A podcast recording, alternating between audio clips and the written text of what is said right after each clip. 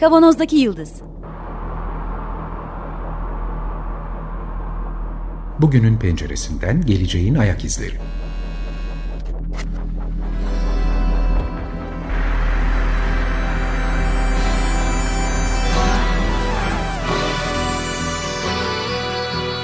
Hazırlayan ve sunanlar İsmail Başöz, Haluk Levent, Mustafa Yılmazer ve Fethiye Erbil.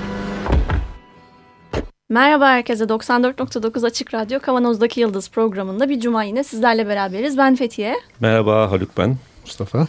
Evet İsmail'e yine buradan selamlarımızı gönderiyoruz. Bu sefer aramadık ama hiç. Bak, hiç aramadık. İsmail'i. Belki Sanki de ihtiyacımız yokmuş gibi evet, davranıyoruz. Evet. evet. Yerine birini arıyoruz. Dön artık dinleyicilerimiz. İsmail.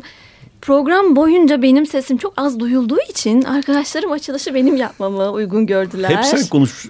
Biz rahatsız. Şaka bir yana biz bu e, drone meselesini konuşuyoruz birkaç haftadır. Bu üçüncü haftamız bununla ilgili. Siz de takip ediyorsunuz. E, şu, bunu da gündeme getirme meselemiz 2-3 e, hafta önce olan ABD-İran arasındaki e, çatışma. Böyle bir, bir üçüncü dünya savaşına doğru götürecek mi diye bizi korkuttuğumuz çatışma meselesiydi. Orada ABD'nin Kasım Süleymani'nin ekibini dronlarla önce bir evet. tespit edip e, çatışmayı başlatması vesairesiydi. Sonra bu dronların e, kullanımını, tarihini konuştuk, anlattık. Ondan sonra hangi ülkelerde kimler e, domine ediyorlar, satışı, alışı, ne amaçlarla kullanıyorlar bunları anlattık. E, kayda geçmiş vakaları, e, öldürülen insanların sayılarını bir de kayda geçirilmemiş, hasır altı edilmiş yerel raporlardan öğrendiğimiz istatistikleri paylaştık. İnsan hayatlarının nasıl değiştiğini, insani etkilerini, psikolojik etkilerini birazcık böyle e, çevresel etkilerini konuşmaya çalıştık. Bugün azıcık geleceğe bakalım istiyoruz. Savaşların mimarisini değiştirdiğini e, söylüyor okuduğumuz raporlar ve yazılar. Buna bakmak istiyoruz ve e, drone'un geleceği ve e, savaşların geleceği belki bugün biraz daha odak noktamız olacak gibi gözüküyor. Ne dersiniz? Şimdi ben alayım burada mikrofonu. Hı hı. Ee, şimdi bir kısacık bir e, tarihine bakacak olursak savaşların hani geçen programda biraz bahsettik gerçi ama e, hani geleneksel konvansiyonel savaşlarda cepheler vardı. İşte bombalar atılıyordu, silahlar atılıyordu ve at, aslında atılan şeyler akılsızdı. Hani menzili boyunca düz giden, düz gittiği kabul edilen şeyler vardı. E, silahlar kullanılıyordu.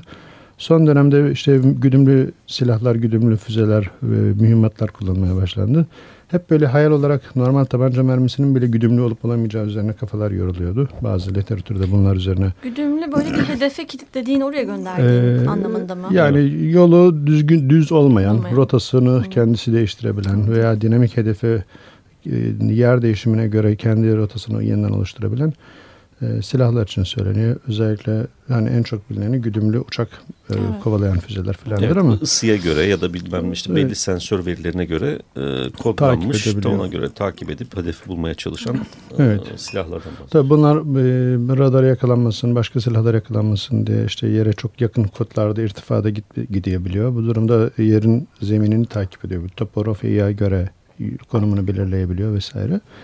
Bayağı şey e, gelişmiş bir teknikti. Ama bunların içinde çok fazla akıl yoktu. Yani bunlar hala dışarıdan kontrol ediyor veya bir hedefe doğru gidiyorlardı. Ee, bunlar akıllı olmaya başlarsa ne olurdu? Aslında konu buraya doğru giderken şimdi dronlar ortaya çıktı. Dronlar ilk önce e, uçak gibi kullanıldı. Uç, yani SİHA'lar. Bu arada tabii bunlar akıllı olsaydı ne olurdu sorusu boşa düşmüş değil. Değil tabii. tabii. Yani tabii. o teknoloji bir yandan da öyle yürüyor. Yani kendi kendine e, hedefin o tespit edip o hedefin e, olduğunu e, onaylayıp e, vurma kararı verebilecek algoritmik silahlar da üretilmeye çalışılıyor. Evet. E, ben hani bunu biraz kafa yorarken aklıma aslında kamikazeler geldi. E, Japonların aslında İkinci Dünya, in, İkinci Dünya Savaşı'nda e, yani işlerinde akıl olan uçağı, uçağın kendisini bomba olarak kullanıp e, hedefe saldırdıkları şeyler Doğru. vardı, olaylar vardı. Şimdi bu elektronik değil tabii ki içinde Hı-hı. bir insan var ve aslında kahramanca da bir şey yapıyor kendi ülkesi adına. Ee, hani sonuçta kendi hayatını sonlandırıyor. Ama burada öyle bir şey yok. Burada e, karar vericiler çok uzaklarda sadece düğmeye basarak bir, bir takım işleri yapabiliyorlar. Ve e, işte mermiler geliştirildi. Şimdi gelinen noktada bu SİHA'ların şu anda artık e, bu en son 2-3 hafta önceki olayda da görüldü, gördüğümüz gibi neredeyse etrafında hiç insan yok. e, doğrudan hedefe kendi işte akıllarıyla artık yüz tanımaları, tespitleri vesaireleri saldırıp yok ettiklerini falan gördük. Şimdi bundan sonrası, bundan sonraki aslında varyasyonlar, silahların varyasyonları artık bunların sayılarını artırdığınızda cephede neredeyse eğer cephe varsa sadece bunlardan oluşan bir ordunuzun olabileceği bir, bir düzene doğru gidebiliyor. Ve bunlar karşı taraftaki dengesiz olan yani bu silahlara sahip olmayan insanları veya askerleri öldürebilecek veya burada olduğu gibi anahtar kişilere direkt suikast düzenleyebilecek bir başka yapıya gidiyor. Aslında e, neredeyse her bir hedefin birer birer imha edileceği çok küçük böyle sinek kadar ya da kuş kadar e, küçük bir kuş diyelim e, akıllı silahların böyle savaş alanlarında dolaşabileceği bir gelecek falan kurgulanabilecek hale geliyor. Evet. Şimdi burada aslında şöyle de bir şey var. Mesela bir ülke işte daha yani bu olaydan örnek verecek olursak hani Amerika İran olayından e, hani bunu bunu uygulamak çok zor az. Şu çok kolay artık. Yani e, çok kolaylıkla insanlar bir drone yapabilir. Çok kolaylıkla bunun üzerine silah yükleyebilir. Çok kolaylıkla bunu uzaktan kumandayla bir hedefe gönderebilir. Yani herkes bunu aslında yapabilecek hale gelebiliyor. Ve herkes birbirine yani ülke bazında söyleyelim en azından suikaste yakın kalifikasyonda saldırı düzenleyebilecek Buradan hale geliyor. Anlay- anlayabiliyorum. Yani ben çok teknik konulara hakim olmadığım için soruyorum. Drone'un üretimi o kadar da teknolojik olarak zor bir şey değil mi? Değil. Herhangi bir Üçüncü dünya ülkesi bile üretebilir mi mesela? Yani ben şimdi hani bir oyuncak mağazasında bugün drone alabiliyorsun yani. Doğru. Çok basit bir şey. Bunun Doğru. üzerine patlayıcı koymak çok yani buluyorsan eğer öyle bir şey acayip zor bir şey değil. Elektronik olarak da mümkün, teknik olarak da mümkün. Yani bunu hani e, kimsenin de kulağına şey yapmayalım, Çok aklına sokmayalım şey ama. Bu, korkunç bir şey bu yani. İşte zaten en önemli mesele bu. Evet. Onu daha önceki programda da şey yaptık. İki tane temel mesele var burada yani. Bir tanesi e, bu savaşan tarafların dışındaki alanlarda yani üçüncü ülkelerin e, alanları da ve yaşam alanları Tabii, da Irak gibi mesela. mesela savaşın bir e, muharebe meydanı evet. haline dönüşebiliyor. Evet. Çünkü oraya kaçmak bilmem ne falan. İki, savaş artık sadece askerler, militer insanlar arasında olan biten bir şey olmaktan çıkıyor. Bir, işte e, bizim yaşam alanımızın her santimetre karesi savaşın e, hüküm sürdüğü bir alan haline geliyor. Dolayısıyla eskiden e, savaşın e, oluştuğu bölgelerde tehlikeli bölge ve işte sivillerin yaşadığı alanda tehlike dışındaki bölge diye tanımlamak evet. mümkünken şimdi öyle bir durum da yok. yok. Bu da içe geçmiş durumda. Gibi, evet. Bir istisnası var. Bu 60'larda bu teknolojiyi ilk aklına getiren insanın e, böyle yazarken anlatırken falan şey yaptığı bir ayrım var. İşte Kim o insan? E, ismini hatırlamıyorum ama Hı. Amerikalı birisi. E, bir şey birazdan karıştırırsam çıkartırım söylerim.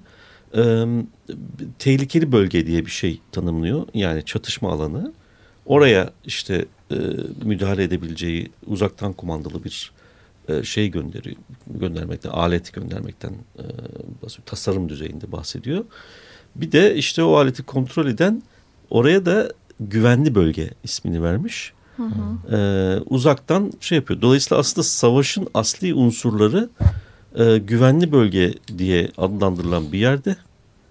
Ee, öteki tarafta da makine var. E şimdi bunun karşılıklı olduğunu düşünürsek nasıl olacak? Yani kim kimin teknolojik kapasitesi daha yüksekse, işte güvenli bölgedeki adamı daha atraktif ya da işte daha böyle işte bilgiliyse bilmem neyse falan e, onun üstün olacağı bir şey var. Bunun sonuçlarının ne olacağı hakkında da bir fikrimiz yok.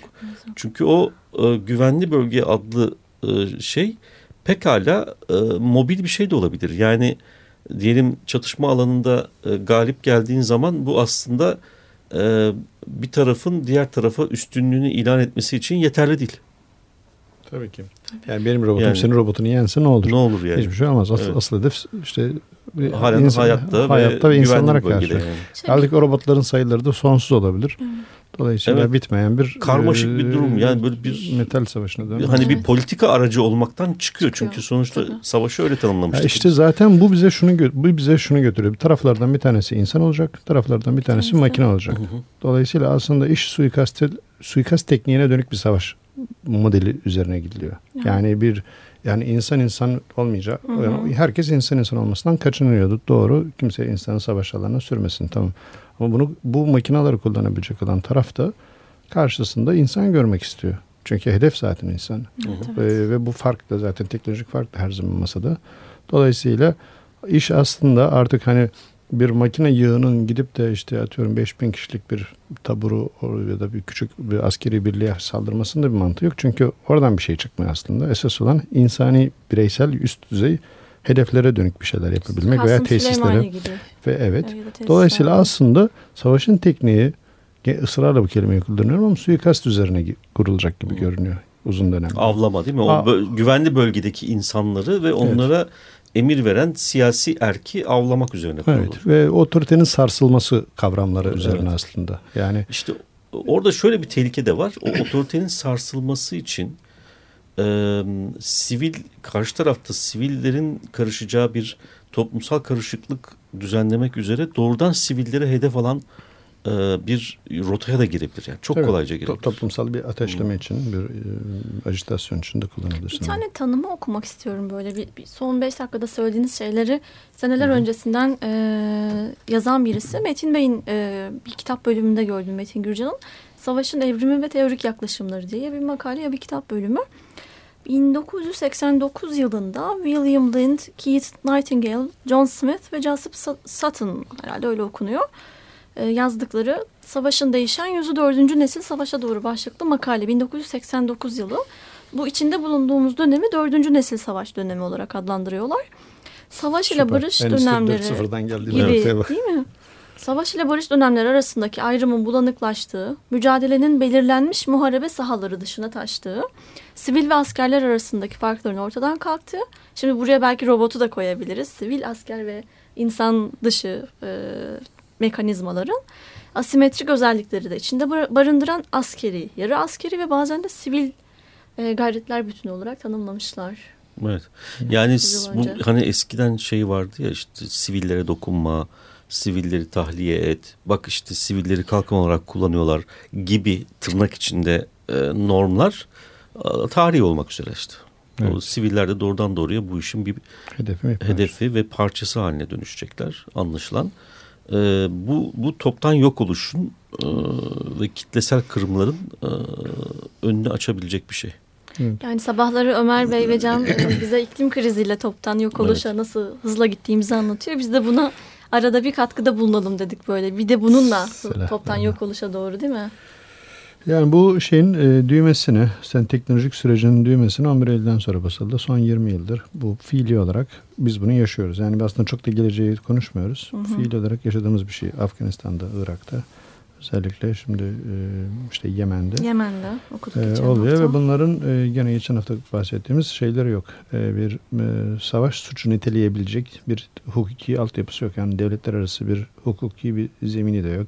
Eskiden savaş suçları belliydi bahsettiğin gibi. Sivil halka karşı veya işte kitlesel imha silahlarına karşı filan bir takım müeyyidelerin olduğu şeyler var, kabuller var. Ki o şu anda biz onları niye lazımmış anlıyoruz. Hı hı. Ve devleti terörist ilan etmek için kullanabiliyorsun bunları. O iş o işe yarıyormuş. Ee, bunların hepsi bitti. Artık şey tanımlanmamış bir şey e, neydi o kelime? Ee, paralel neydi? Asimetrik. Asimetrik. As, asim- asimetrik savaşın bir şey e, bir yönü haline geldi. Ee, burada artık hani e, tanım olarak nereye doğru gidecek bundan sonrası e, kötü e, şeyler var. E, geçen haftaki konuşmada bir misket, misket bombasından falan bahsetmiştin sen. Aslında bu, bu konuşmanın bundan sonraki kısmı benim için 18 artı diyelim. E, biraz e, sıkıcı bir kısım. Ee, şöyle bir teknik vardı. Eskiden bir yere bir bomba attıklarında bomba düşmeden önce bir öyle bir türü de vardı. Havada parçalanıp patlayıp ama içinden küçük bombacıklar çıkıp yere çok yakın yerdeyken de e, işte Kitle katliamını katliam farklı- yapabiliyorlardı. Evet.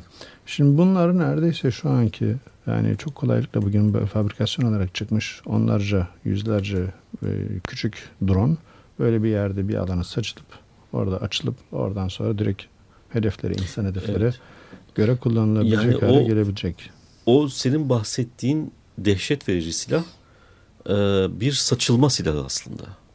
Ama saçılma alanı e, belli. O alan üzerinde zarar verme kapasitesi de belli bir rastgelelik içeriyor idi idi. eskisi. Şimdi evet. drone olursa o saçılanlar her biri onların da e, programatik yani programlanmış e, yapılarını düşünecek olursak o saçılan binlerce milyonlarca parçanın e, belirlenmiş önceden belirlenmiş hedef türlerine doğrudan e, ve işte ne bileyim enerjileri bitene kadar sürekli saldırmaları gibi bir durumla karşı karşıya kalacağız. Yani o hakikaten çok ürkütücü bir şey. Bunu bunu ben işte şimdi uzun zamandır bahsetmiyorum. O Star Trek e, filminde bu dehşeti hissedebiliyorsun. Çaresizliği. Yani bir de bunun koordineli saldırı yaptıklarını düşün. Nasıl hissediyorsun o dehşeti orada izlemeyenler için? Yani şöyle söyleyeyim. E, milyonlarca drone'un e, eş anlı ve birbirleriyle haberleşerek belli bir hedefe karşı e, harekete geçtiğini düşün. Bu uzak geleceğin bir şey değil. E, Çin'de hep Evet. zaman zaman bahsettim. Yılbaşı kutlamalarında bunun masum bir şekilde e, yapıyor. İşte BBC'de hatta e, alkışlatacak kadar bu sene 2000 tane e, drone'u e, bir network içinde böyle hareketli insan figürleri çizdirdiler. Işıklarla işte koşan Superman bilmem ne falan filan bayağı havada. bir gövde gösterisi. Gövde gösterisi. Tabii Tabii. korkunç bir şeydir. Bu, bu bunun e, silaha dönüşme potansiyelini biz o işte 2-3 yıl önceki Star Trek filminde gördük. E, orada işte e, milyonlarca koordineli drone geldiği zaman herhangi bir hedefe korunma saldırısı ya da işte savunma ateşi yapmanın imkanı yok. Ancak onlar kadar aynı seviyede işte drone'u senin de karşı yani aynı teknolojiye senin de sahip olman gerekiyor. Ee, başka türlü zaten yok olup gidiyorsun. Çünkü işte kimi kesiyor, kimi patlıyor, kimi e, deliyor. Bu, işte kimi e, korunma kalkanları, klasik korunma kalkanlarını e, işlevsiz hale getirip başkalarının o işlevsel e, alandan içeri girerek zararı büyütmesini ve yani ölümcül hale getirmesini, aracı yok etmeyi. Bu ve bir, birkaç dakika içerisinde bütün bunlar gerçekleşiyor. Dolayısıyla bulabildikleri tek çare o frekansı, haberleşme frekansını bozmaktı. Ama bunun daha yani haberleşme frekansı herhangi bir frekans kullanmadan da bunu yapabilecek bir algoritma geliştirilebilir pekala. Ya onun öncesinde Ee, yani bu kadar işler ilerlemeden belki bir e, toplumsal ve bütün gezegen olarak bir buna bir dur dememiz, dememiz lazım, gerekiyor. E, bir noktada ben de Elon Musk ve diğerlerinin yaptığı çağrıyı da bahsetmek, ya bundan bahsetmek isterim dur deme çağrısından. Yani eğer, Evet. tabii ki bu öyle olmuyor. Şu anda herhalde dünyada bütün ülkeler bu tür drone ile ilişkili silahlar geliştirmeye böyle can havliyle uğraşıyorlar. Can bütün ellerinden geldiklerince güçleriyle uğraşıyorlar yani. Yani bu program 3 haftadır programlarda sıklıkla savaşı ve yeni de değişen savaş düzenini anlatmaya çalışıyoruz ama ben bu kadar savaştan bahsettiğimiz için biraz kendimi rahatsız ediyorum ama bir yerde de 18 artı dedik işte. evet bir yerde de bunu durdurabilmek ya da bunun etkilerini Farkındalık evet, lazım, azaltmak tabii. için bunu anlamamız gerekiyor. O yüzden biz bu kadar meselenin teknik boyutlarını Tabii tabii. konuşuyoruz. Yani bu önceden olduğu gibi yani drone ile insanın öldürülmesi olayını böyle öylesine bir bomba patlaması gibi görmemek gerekiyor. Bu, bu çok, kesin yani. Çok ölümcül, koordineli böyle e, zaman zaman terörist grup gibi davranan bazı devletlerin eylemleri şeklinde buna bakmak gerekiyor herhalde. Ee, yani aslında alt başlık olarak işte kim kime niye nasıl terörist diyor. Bunun bir siyasi kısmını konuşmak Evet, evet, ayrı bir konu evet. olabilir. Ama bu teknik şu anda gelinen noktada teknik şu anda bu savaş tekniklerini, savaş stratejilerini e, tanımlamaya çalışıyor. Teknik bunu değiştiriyor yani. Doğru. Tekniğin kendisi e, terör tanımı içerisinde e, sınıflandırılabilecek bir teknik artık. Doğru. Dolayısıyla bunu kullanan kimse onun da terörle ilişkili bir yani bir, bir, bir, bir kurum olması ya da birey olması e, gerekiyor. Eğer o tanımın içerisindeyse kullanılan teknik. Çünkü nedir terörün şeysi? İşte rastgelelik. Bütün e, hedef gözetmeksizin herkesin hedef olabilmesi yani şey işte sivillerin, e, askerlerin, Hastanelerin, şusun, hastanelerin, şusun bunun. E, üç, e, dehşet uyarınacak Evet. ölçüde büyük bir şey e, ateş gücü. Evet. Şimdi bu üç unsur da Bunda var bunda var. maalesef. Yani belki başka unsurlardan da bahsetmek Doğru. lazım ama yani benim hatırladığım çok uzman olmadığımız için Tabii, hiçbirimiz tabii, bu konuda tabii. benim hatırladığım şeyler bunlar ama. E, bu üçü de var. E, bu, bu o zaman e, terörle mücadele ederken ya da işte hani gerekçede o oluyor ya teröristlerle mücadele ediyoruz. O yüzden konvansiyonel silah değil. Çünkü savaş ilan eden kimse yok ortada ama savaş var. Savaş var canım. Yani ilan Aa, etmiyorlar çünkü olay saldırılar İşte- üzerine gidiyor. İşte Yani o, şey o zaman yok. da şey diye e, meşrulaştırmaya çalışıyorlar. Bunlar terörist, biz de teröristlerle mücadele ediyoruz. Evet, evet, evet. Savaşın Ama bal gibi savaş aslında tanımı bu. değişti belki. Ee, yani. İşte o teröristlerle mücadele ederken kullanılan yöntemler teröristlerin kullandığı, terörist sınıfında insanların kullandığı yöntemlerden bir farkı yok. O zaman demek ki terörle, terör, teröristle, teröristin savaşından bahsediyoruz yani. Çok acayip gerçekten. Bizim bu o, programlar yapabilmek için okuduğumuz savaş tarihi ve felsefesi tırnak içinde makaleleri de e, yüzyıllar içinde e, çatışmanın, savaşın, e, milletlerin, devletlerin, ulus devletlerin oluşumuyla beraber savaşın tanımının ne kadar farklılaştığını anlatıyordu. Şu Evet. an kimsenin tanımlayamadığı bir hale gelmiş durumdayız. Kuralsızlık bir Evet. hali var. Bir kaos Ee, hali var. Bu kuralsızlık aslında teknolojik gelişmenin hemen hemen her alanlarında yani radikal olarak etkilediği her alanda var. İşte genetik e, şey e, insan genomiyle ilgili Evet. olarak ya CRISPR okuma yazma hikayeleri evet. henüz e, CRISPR teknolojisinde işte e, genetik yazılım Hı hı. e, meselesi. Onu yazılımı gerçekleştirmek için bir tasarım programının e, üzerinde çalışmaların yürütülmesi. E, bütün bunlar hep tanımsız Evet. ve kuralsız alanlarda gidiyor. O yüzden zaten bizi ürküten mesele Bu. E, as- asıl bu tarafı. Çünkü bir kuralsızlık varsa orada kimin ne yaptığını bilmek ve kimin nereye kadar e, gidebileceğini kestirebilmek çok zor. İşte onun yıkıcı toplumsal sonuçlarını göğüsleyebilecek bir mekanizma da yok elimizde. Ve ülkelerin büyük ticaret savaşlarının da şu an bir şeysi aracıymış benim okuduğum kadarıyla. Mesela 2017 yılının sonlarında Çin e, yapımı, e, Çin'de yapılan dronlar nispeten daha ucuzmuş dünyada. Amerika'daki dronlar en işte fiziksel olarak, teknik olarak en etkilisi. Çin'dekiler ondan bir miktar daha kötüymüş ama yine de saldırı için vesaire tercih ediliyormuş e, bazı e, ordular tarafından. Amerikan ordusunda da Çin yapımı dronlar varmış.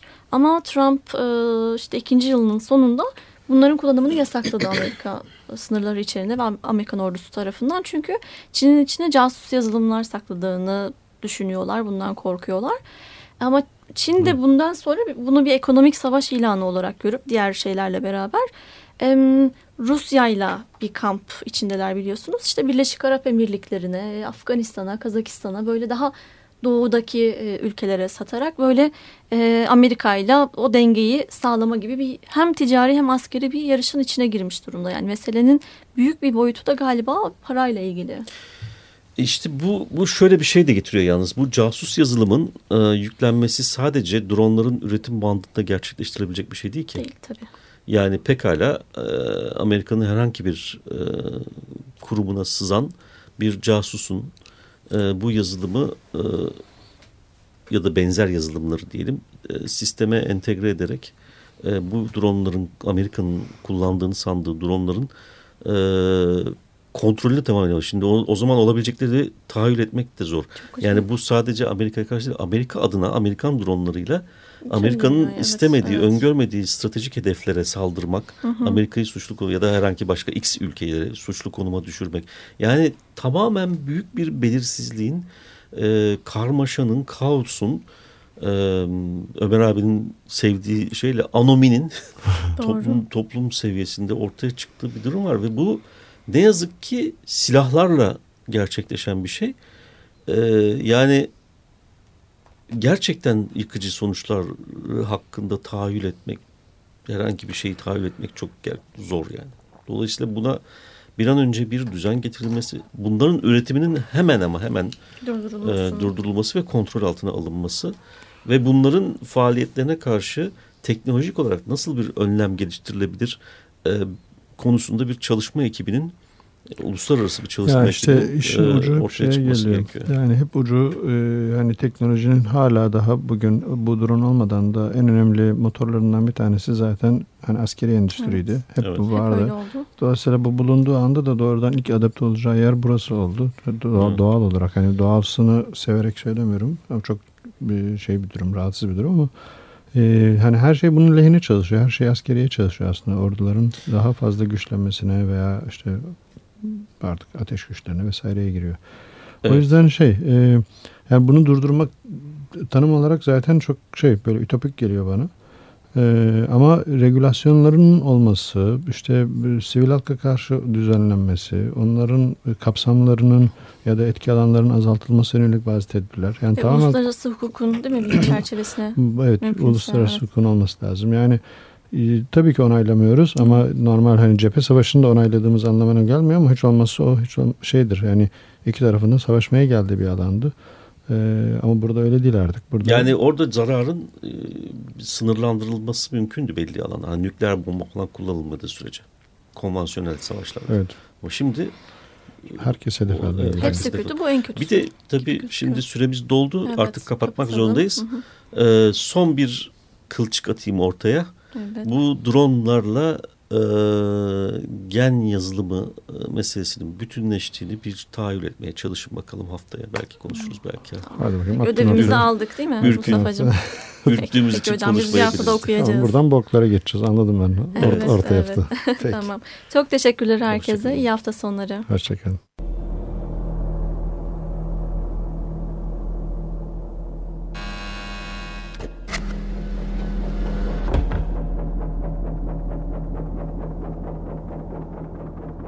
Kavanozdaki Yıldız Bugünün penceresinden geleceğin ayak izleri.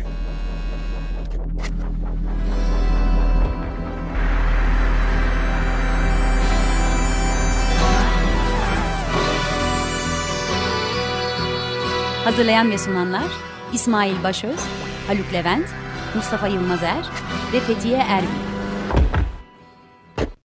Açık Radyo program destekçisi olun.